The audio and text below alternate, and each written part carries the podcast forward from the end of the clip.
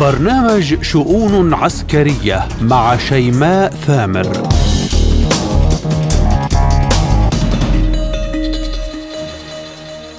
مرحبا بكم. هجوم مضاد غير متكافئ. هكذا وصف الخبراء العسكريون هجوم كييف. ليأتي اليوم أمين بيت الناتو ويعترف. الهجوم المضاد يواجه مشاكل خطيرة في ساحات القتال والتعزيزات الروسية أكبر مما كنا نتصور. لوكاشينكو يقدم نصيحة ذهبية لزيلينسكي. احفظ ماء وجهك واجلس على طاولة المفاوضات قبل فوات الأوان. والثاني يحط اليوم في أنقرة فما الذي يبحث عنه؟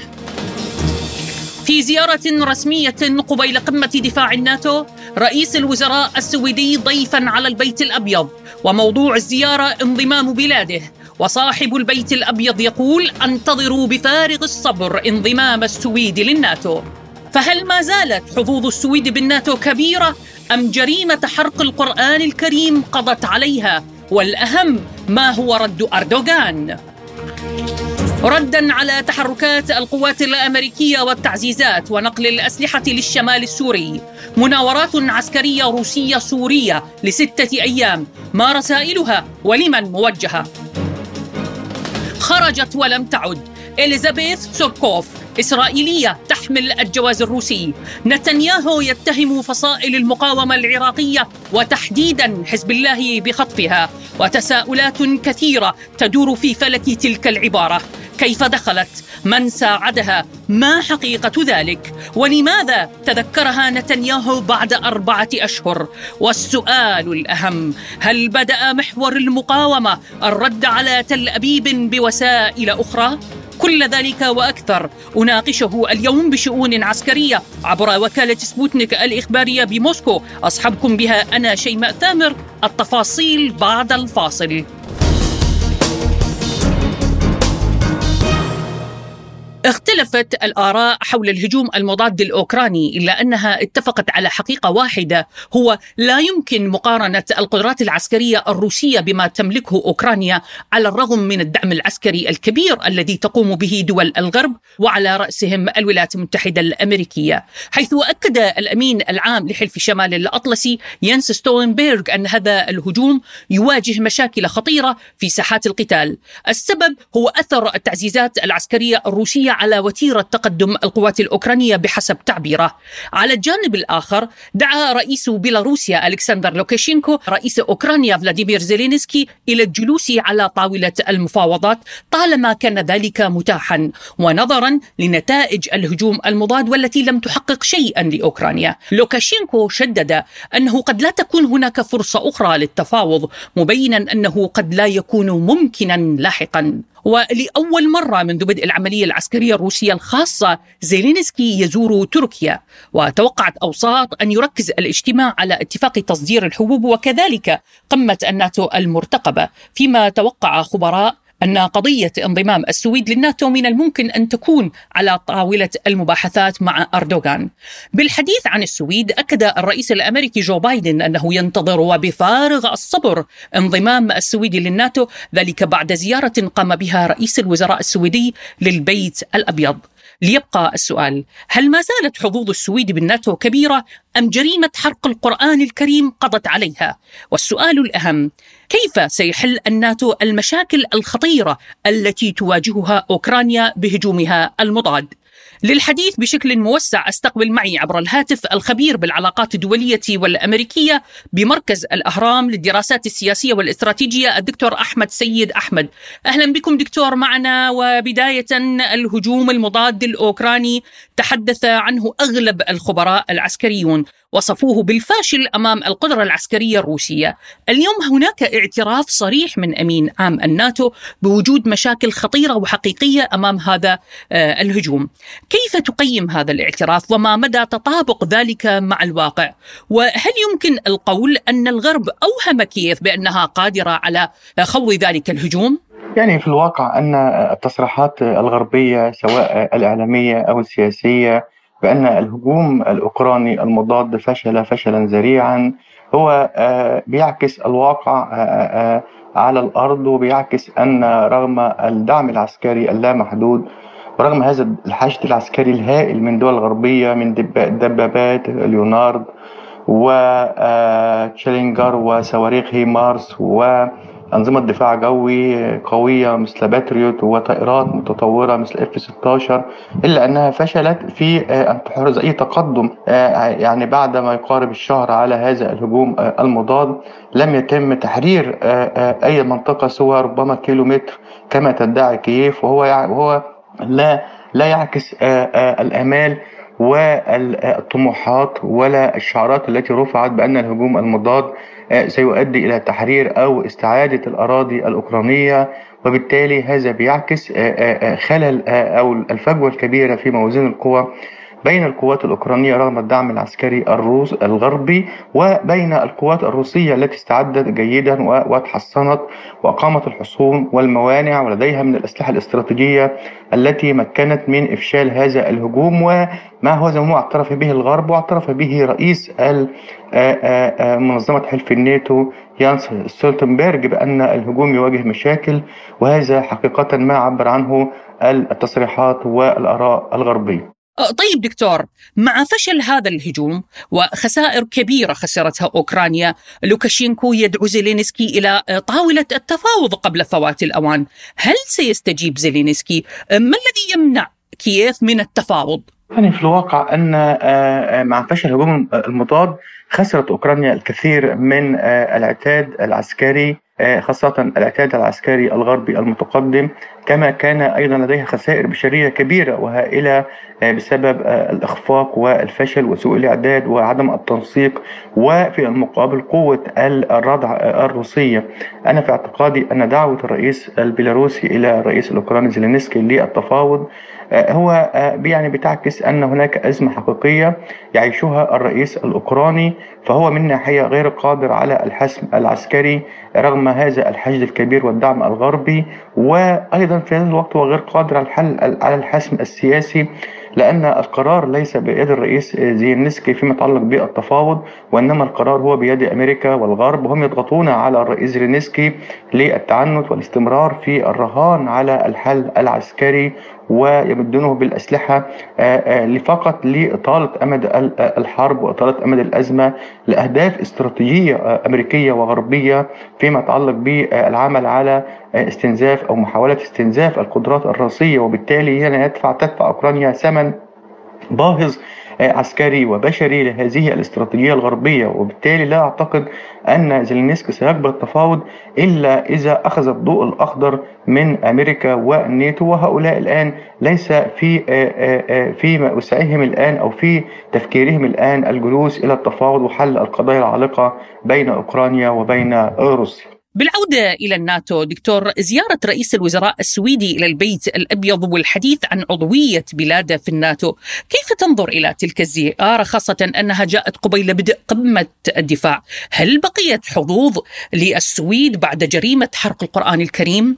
يعني في الواقع أن زيارة رئيس الوزراء السويدي إلى الرئيس بايدن قبل انعقاد قمة الدفاع أو قمة الناتو في ليتوانيا هو بيستهدف الجهود السويدية الحثيثة للانضمام إلى الناتو والتغلب على العقبات التي تواجه السويد حتى الآن وهي ربما المعارضة والتحفظات التركية والمجرية وأعتقد أن رئيس وزراء الصين يسعى لدى الرئيس بايدن لكي يمارس مزيد من الضغوط والاتصالات مع الجانب التركي ومع الجانب المجري لتعزيز ودعم عضوية السويد في الناتو خاصة في القمة القادمة في ليتوانيا في, في, في لينوس وإزالة كل العقبات. كما هو الحال بالفعل كما حدث مع فنلندا عندما أقرت قمة أسبانيا العام الماضي عضوية فنلندا ثم بعدها بشهور قليلة أيضا تم قبول العضوية وبالتالي الصين تعرف جيدا قوة ونفوذ أمريكا في حلف الناتو تعرف قوة العلاقات الأمريكية التركية مع أيضا مع الأمريكية المجرية وبالتالي يحاول أن رئيس وزراء السويد أن يحصل على ضمانات حقيقية بأن مسألة عضوية السويد في حلف الناتو قد حسمت وأنها باتت وشيكا أنا في اعتقادي أن عضوية السويد في الانضمام لحلف الناتو يعني هي باتت قريبة ولم تستبعد رغم الجريمة الوحشية التي حدثت في السويد من حرق للقرآن واستفزاز مشاعر المسلمين في كافة أنحاء العالم وتصريح الرئيس التركي بأن هذا الفعل لن يمر مرور الكرام وأنه قد يؤثر على موقف تركيا من السويد. لكن أنا في اعتقادي دائما يعني المصالح هي تحكم علاقات الدول وأن دائما تركيا والرئيس أردوغان كثيرا ما يتخذ المواقف يعني المتشددة. ثم بعد فترة يتراجع لأن هناك اعتبارات ومؤامات ومصالحات. قد نشهد يعني بعض المؤامات خاصة من قبل الصين السويد عفوا لاسترضاء تركيا وربما اتخاذ إجراءات بحق هذا الذي حرق القرآن أو اتخاذ إجراءات خاصة بحرية التعبير لكن أنا في اعتقادي ما يهم تركيا الآن من السويد ليس فقط هذه الجريمة ولكن الأهم هو أن السويد تتخذ إجراءات خاصة ب ما تعتبره تركيا منظمات كردية إرهابية تعمل في السويد. وأعتقد أن تصريحات ستولتنبرغ قال أن السويد يعني قد وفت بمعايير الانضمام لحلف الناتو ومنها تعديل الدستور واتخاذ إجراءات بحق الإرهاب وهو ما ربما قد يرضي تركيا وبالتالي قد يعني يسهل أو يوقف تحفظها على انضمام السويد لحلف الناتو.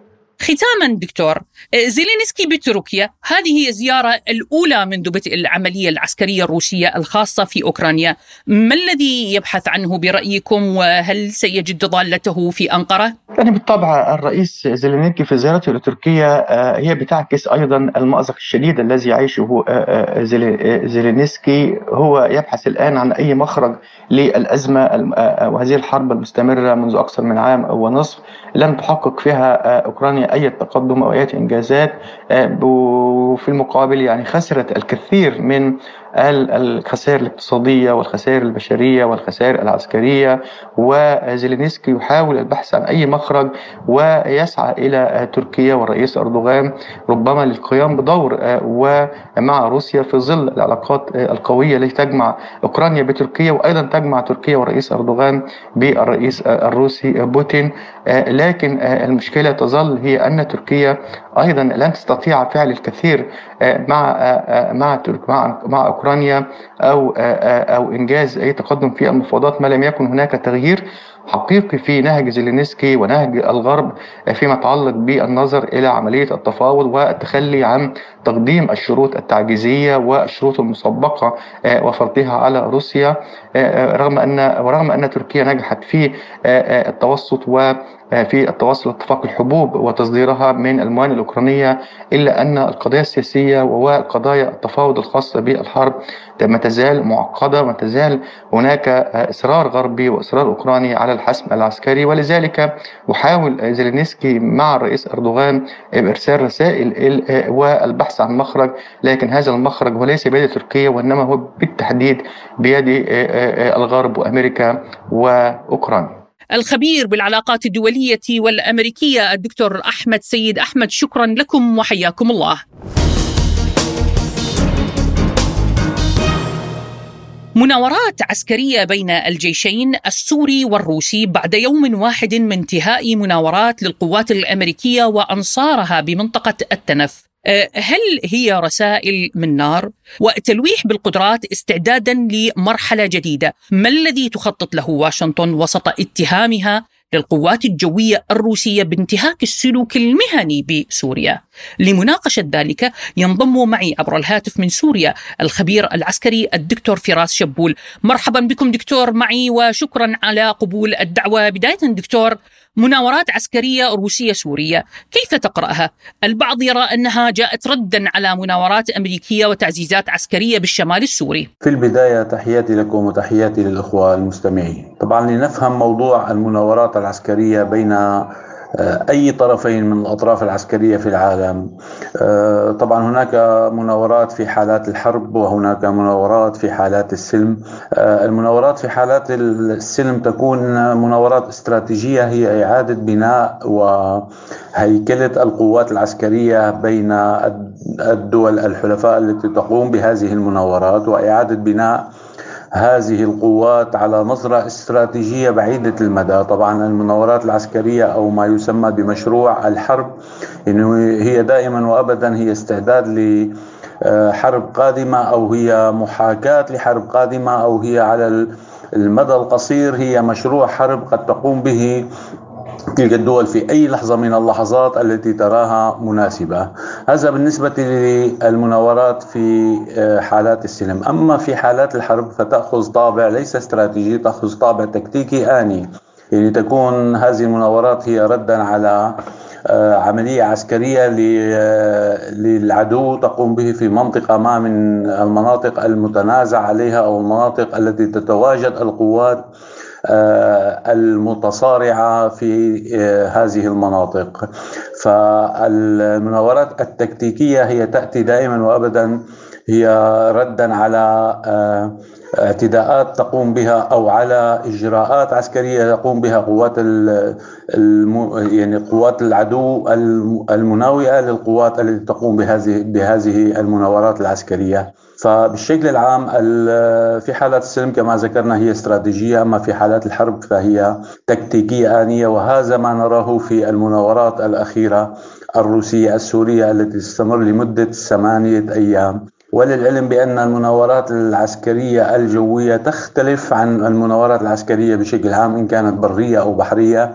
نجد بأن هذه المناورات العسكرية الجوية يعني هي تختص في آه، محاولة محاكاة الاعتداءات العسكرية من العصابات الإرهابية ومن يحالفها على الأراضي السورية كما حدث في آه، المنطقة في الأيام القليلة الماضية. لذلك المناورات الجوية تأتي هي آه، حرصا على تأكيد عمليات جوية ممكن أن تصطاد بها. الطائرات المسيرة التي يقوم بها العصابات الإرهابية في استهداف مراكز للجيش العربي السوري ومناطق حيوية للجيش العربي السوري في الآونة الأخيرة. فتأتي هذه المناورات الجوية هي ردا على آه، يعني آه، محاكاة أو صد هذه العمليات العسكرية التي تقوم بها الطائرات المسيرة التي هي بيد العصابات الإرهابية التي تزود بها من قبل آه، أعداء سوريا وعلى رأسهم الولايات المتحدة. لذلك المناورات تأتي من باب محاكاة هذه الطائرات وإرباك هذه الطائرات وإعادة تموضع وتواجد القوات الجوية السورية والروسية في تلك المنطقة لمحاولة اصطياد هذه الطائرات بكل سهولة. لذلك المناورات العسكرية بأي حرب من الحروب تأتي هي آه، ردا على مناورات تقوم بها الدول آه، كما ذكرت المتصارعة. والمناورات العسكرية تقوم في أي زمان ومكان في حالات السلم والحرب. آه، ولذلك نجد بأن المناورات الروسية السورية قد يكون هناك بعض يعني الخرق العسكري في في جزء من المجال الجوي السوري لذلك تأتي هذه المناورات لسد هذه الثغرة التي يمكن أن يدخل منها العدو ومن يزود هذه العصابات الإرهابية بهذه الطائرات المسيرة التي تقوم بعمليات آه، إرهابية في آه، آه، سوريا. طيب دكتور بالتأكيد لهذه المناورات رسائل، كيف تنظر لرسائل المناورات الروسية السورية هذه؟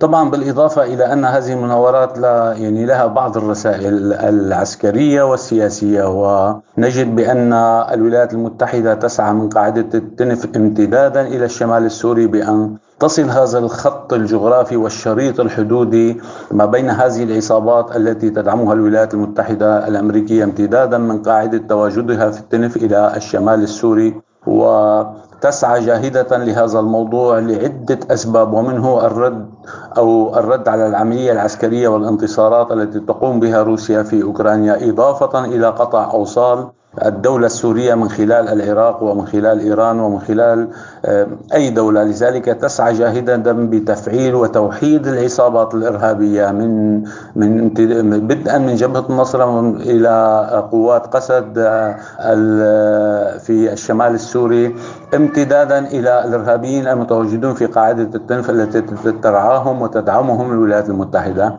والمناورات تأتي أيضا في الرد على منع امتداد هذا الشريط الحدودي وهذا الشريط الإرهابي الذي يمكن أن يشكل خطر على أمن المنطقة في العراق وفي سوريا ليس فقط في سوريا. لذلك المناورات أيضا تأتي ردا على يعني على تمتين آه، نقاط الجيش العربي السوري والقوات الروسية والحليفة المتواجدة في المناطق الحدودية إضافة إلى منع آه، أن تقوم آه، الولايات المتحدة بمحاولات وصل هذا الشريط الحدودي الإرهابي الذي يشكل خطرا كبيرا على استقرار المنطقة التي يمكن أن يكون قد بدأ ولو بشكل جزئي منذ فترات طويلة. وهذا ما يقض مضاجع الولايات المتحدة ولا تريد هذا الأمر أن يحدث في سوريا إلا من تحت ذراعها وبالشروط التي تراها.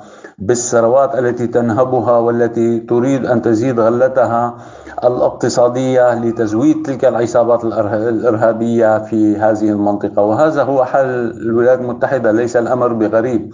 يعني الولايات المتحدة في أي نقطة من العالم تقوم بتزويد عصابات مرتزقة تأتي بها بمال بمال للأسف بمال المنطقة التي تقوم باحتلالها الولايات المتحدة الأمريكية لتفعيل هذه العصابات. واستخدامها في الزمان والمكان الذي تريده الولايات المتحدة الأمريكية. لذلك نعم لهذه المناورات أهمية آه، كبيرة جدا هي ردا على التعزيزات العسكرية الأمريكية وردا على محاولات القوات الأمريكية المحتلة المتواجدة على الأرض السورية بتوصيل آه، العصابات الإرهابية المتناثرة هنا وهناك على الجغرافيا السورية وخصوصا امتدادا من منطقة إدلب إلى منطقة التنف آه، ولذلك تأتي آه، أهمية هذه المناورات العسكرية في هذه الساعات في بين روسيا وسوريا.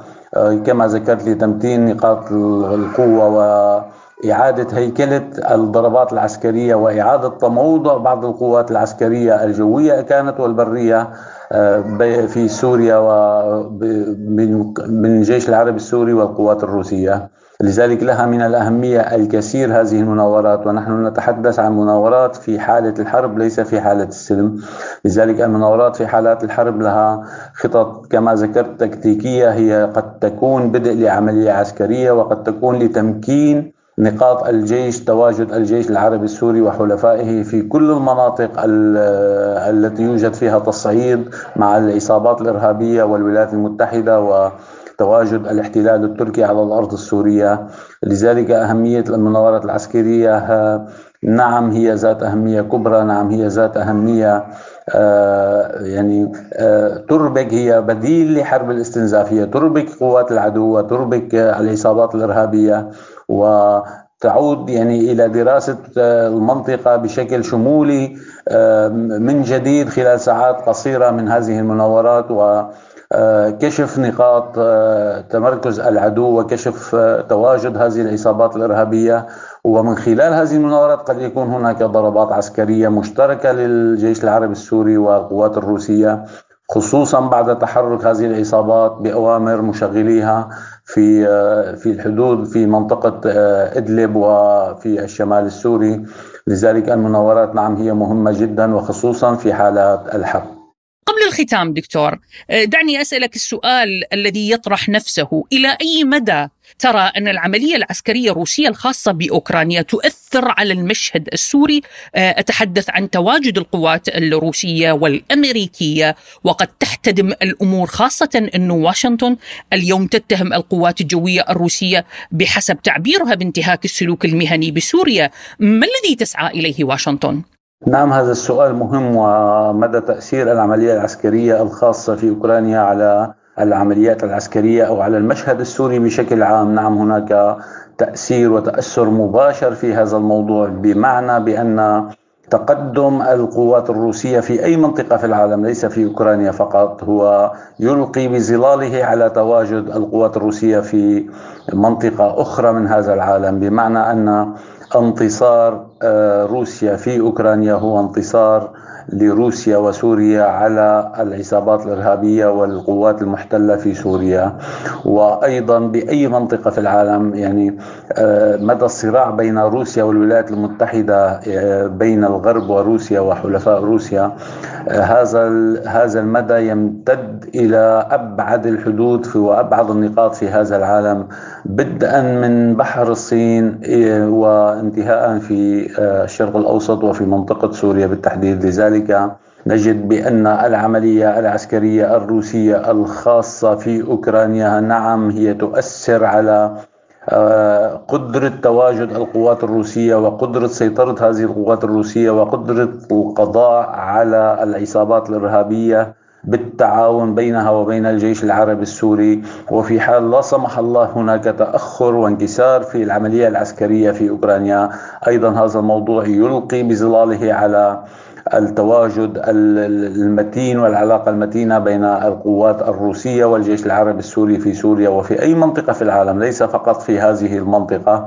لذلك آه، نحن نتحدث يعني عن عن مواجهات مباشرة بين الأقطاب الكبرى في العالم. طبعا مواجهات ليست عسكرية مباشرة على الإطلاق ولكن تواجد عسكري مباشر إن كان في سوريا إن كان في العراق إن كان في أفغانستان إن كان في بحر الصين وإلى آخر ما هنالك وإن كان في أوكرانيا. هناك تواجد آه، مباشر وتماس مباشر بين الغرب و بقيادة الولايات المتحدة وبين روسيا وحلفائها في المنطقة بدءا من سوريا إلى العراق إلى أوكرانيا إلى بحر الصين.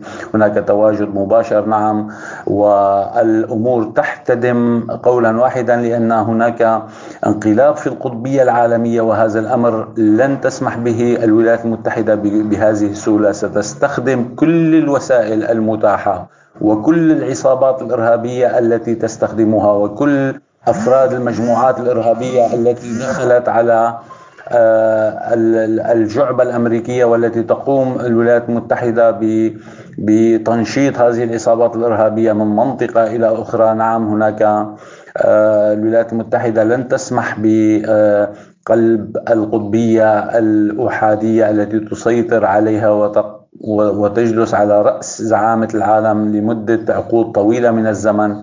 الولايات المتحدة لن تسمح بهذا الأمر بهذه السهولة ولكن معطيات الأرض والمعطيات العسكرية والاقتصادية تشير بأن هذه القطبية الأحادية انتهت ولكن آه، يعلم الجميع بأن الولايات المتحدة لا تستسلم بهذه السهولة وخصوصا إذا كانت خسائرها البشرية الصفر خسائر لذلك تستخدم كل أنواع الفتن وكل أنواع السلاح وكل أنواع وقود النار لتشعل هذه الحروب في المنطقة.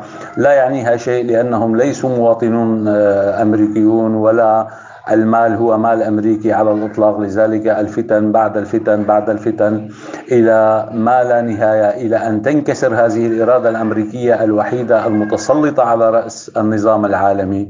لذلك نعم الاحتدام هو قائم بين القوات الروسية ومراكز تواجد القوات الأمريكية و اتهامات واشنطن بأن القوات الجوية الروسية تقوم بسلوك غير مهني يعني هذا الشيء المضحك المبكي. من يتهم؟ من؟ الولايات المتحدة التي هي رأس الإرهاب في العالم وهي داعم الإرهاب الأول في العالم وهي من ينتهك حقوق ال ال ال الإنسان وحقوق الدول وحقوق كل ما له حقوق على وجه الأرض.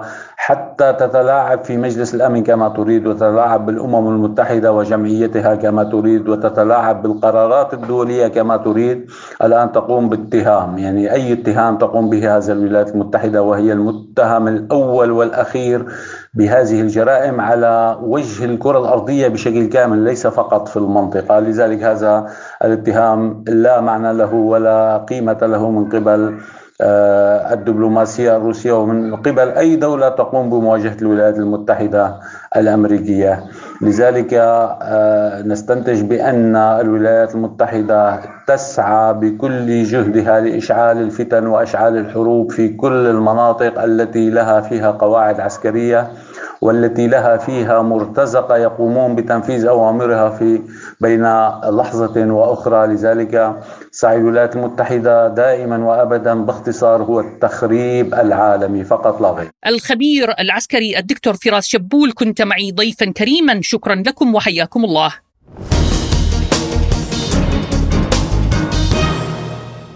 إلى العراق. أعلن ديوان رئيس الوزراء الإسرائيلي بنيامين نتنياهو أن فصائل المقاومة العراقية وتحديدا كتائب حزب الله اختطفت إسرائيلية تحمل الجنسية الروسية تدعى إليزابيث تسيركوف البيان ذكر أن السيدة مختطفة منذ أربعة أشهر وتضاربت الأخبار حول مكان اختطافها. منهم من يقول أنها اختطفت بشمال العراق والبعض الآخر يقول خطفت ببغداد. التصريح الإسرائيلي جاء بعد يوم واحد من تغريدة لأحد أبرز قياديي كتائب حزب الله بالعراق عن أن فصائل المقاومة جاهزة للالتحاق بفلسطين ومواجهة تل أبيب. ليبقى السؤال: كيف دخلت هذه السيدة؟ بمن التقت ولماذا بعد أربعة أشهر تم الإعلان عن اختطافها؟ الجدير بالذكر هناك صمت حكومي عراقي رسمي حتى هذه اللحظة والمقاومة تقول ليست لدينا لكن تصريحات نتنياهو خطيرة جدا. هذا هو ما أعلنت عنه المقاومة في العراق. والسؤال الذي يطرح نفسه هل بدأ فصل الرد على تل أبيب عن طريق محور المقاومة بوسائل أخرى؟ للإجابة عن كل هذه التساؤلات دعوني أستقبل معي من العراق الخبير بالشأن العراقي مستشار مركز رؤى للدراسات السياسية والاستراتيجية الأستاذ علي البيدر. أحييكم أستاذ علي معي وشكرا على قبول الدعوة. دعني أبدأ معك من الموقف السياسي العراقي من الهجمات الإسرائيلية الأخيرة على جنين والضفة الغربية بفلسطين. الدول العربية كلها أدانت ما حدث بضمنها العراق لكن ما لفت الانتباه تغريدة أحد القياديين بكتائب حزب الله آه، تحدث عن أن المقاومة العراقية جاهزة تماما للذهاب إلى فلسطين والقتال هناك.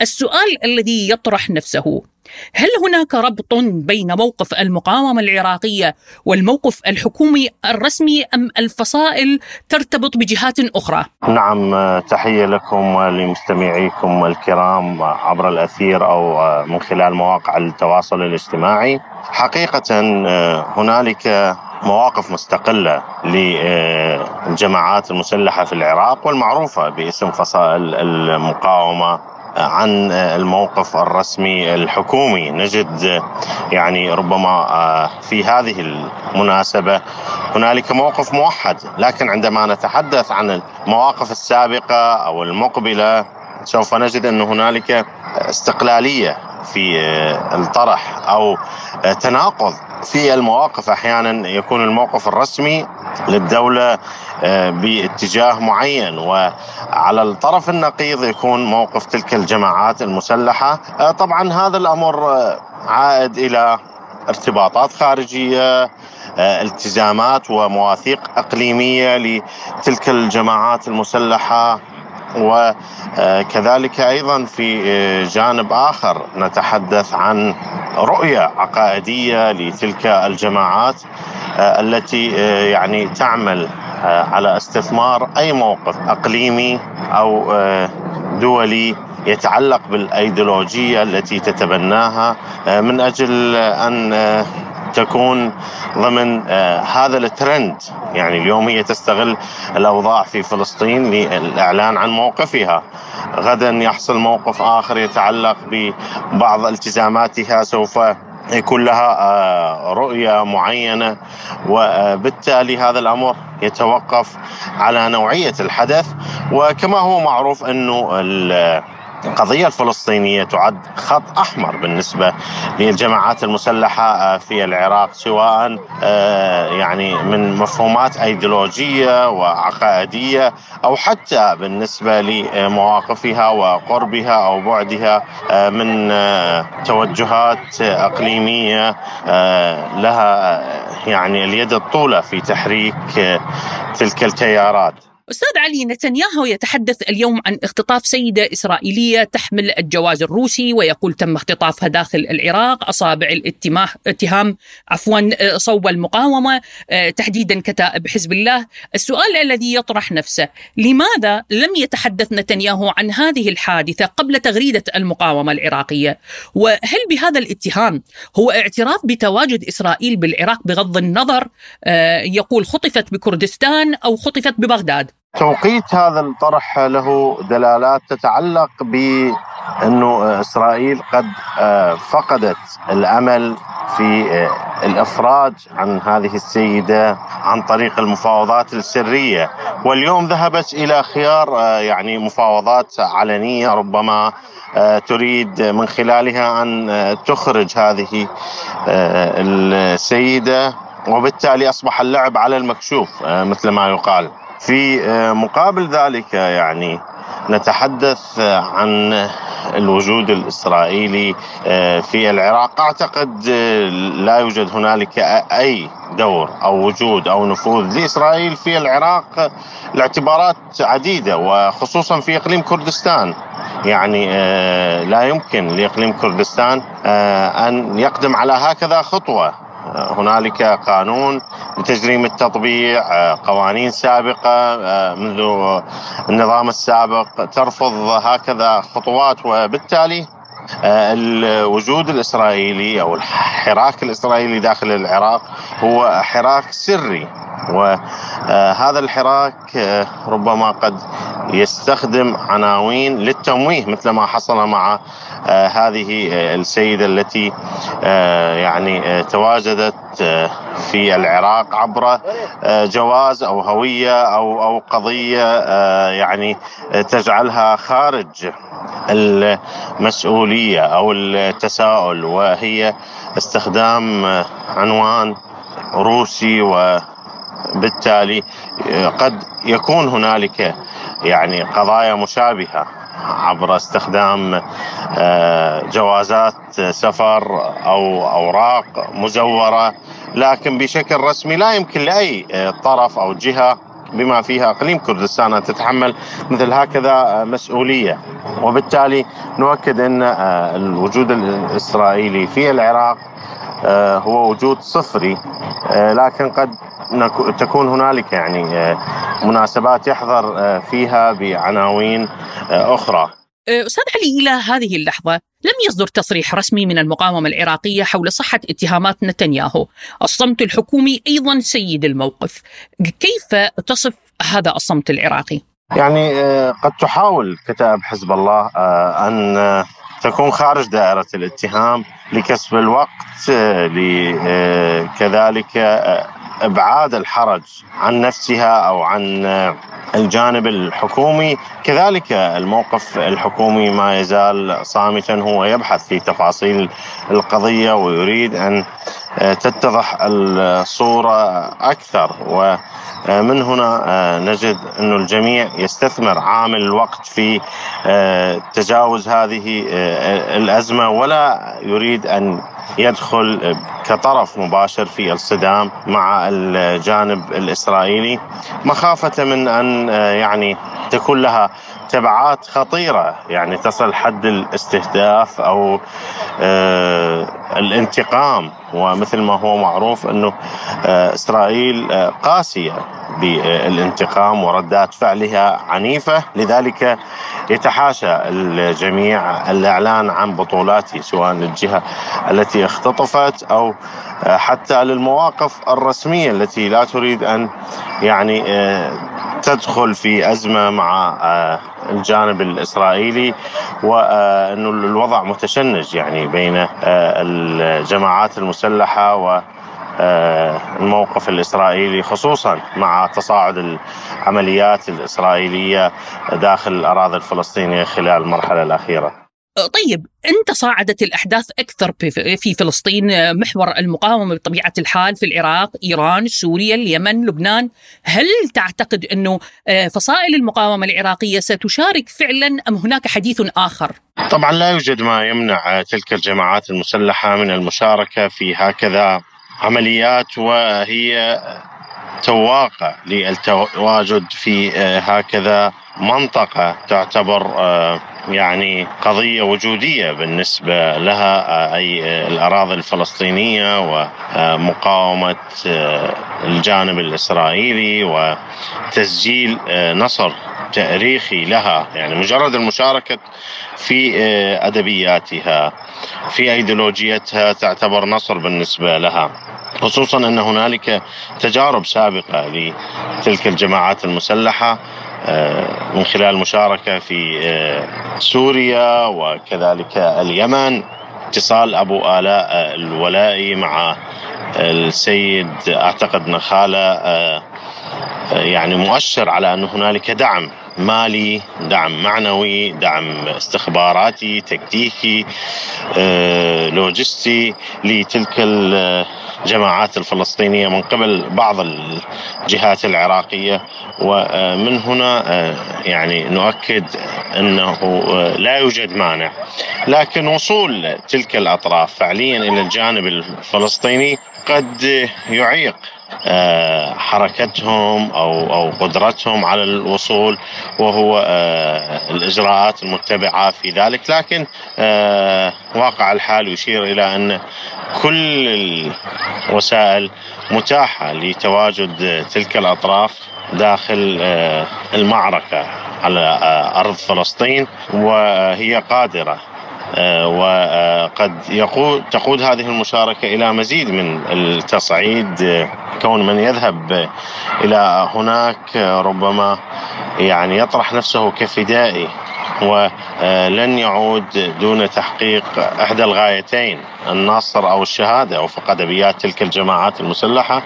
ومن هنا يعني سوف تكون المعارك شرسة وعنيفة إذا ما شاركت الجماعات المسلحة العراقية وهي الأكثر قدرة وتدريبا وتجربة وإمكانية. وأيضا تفاني وتضحية لذلك سوف نجد يعني حضورها مؤثر في قلب موازين القوى أو المعادلة الأمنية داخل فلسطين قبل الختام أستاذ علي من المستجدات إنه أمريكا وروسيا وإسرائيل كلها تتحرك لإعادة إليزابيث.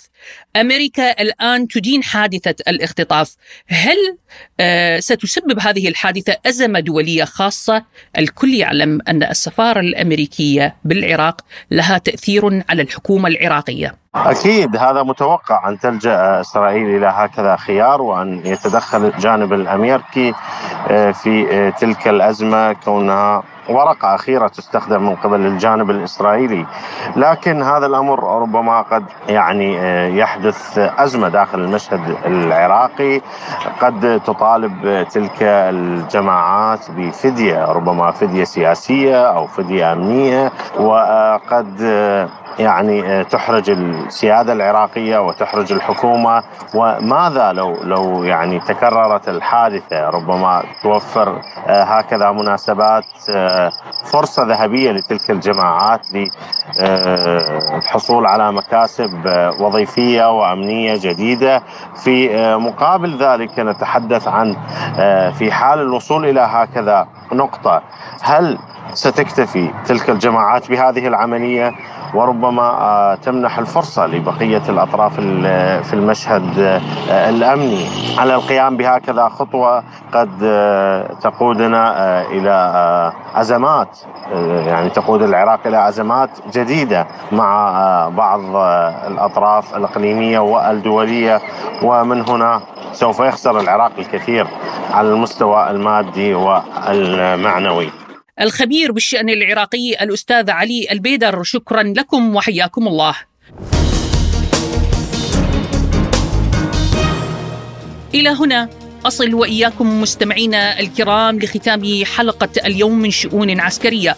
رافقتكم بها إعدادا وتقديما من وراء الميكروفون محدثتكم الدكتورة شيماء ثامر.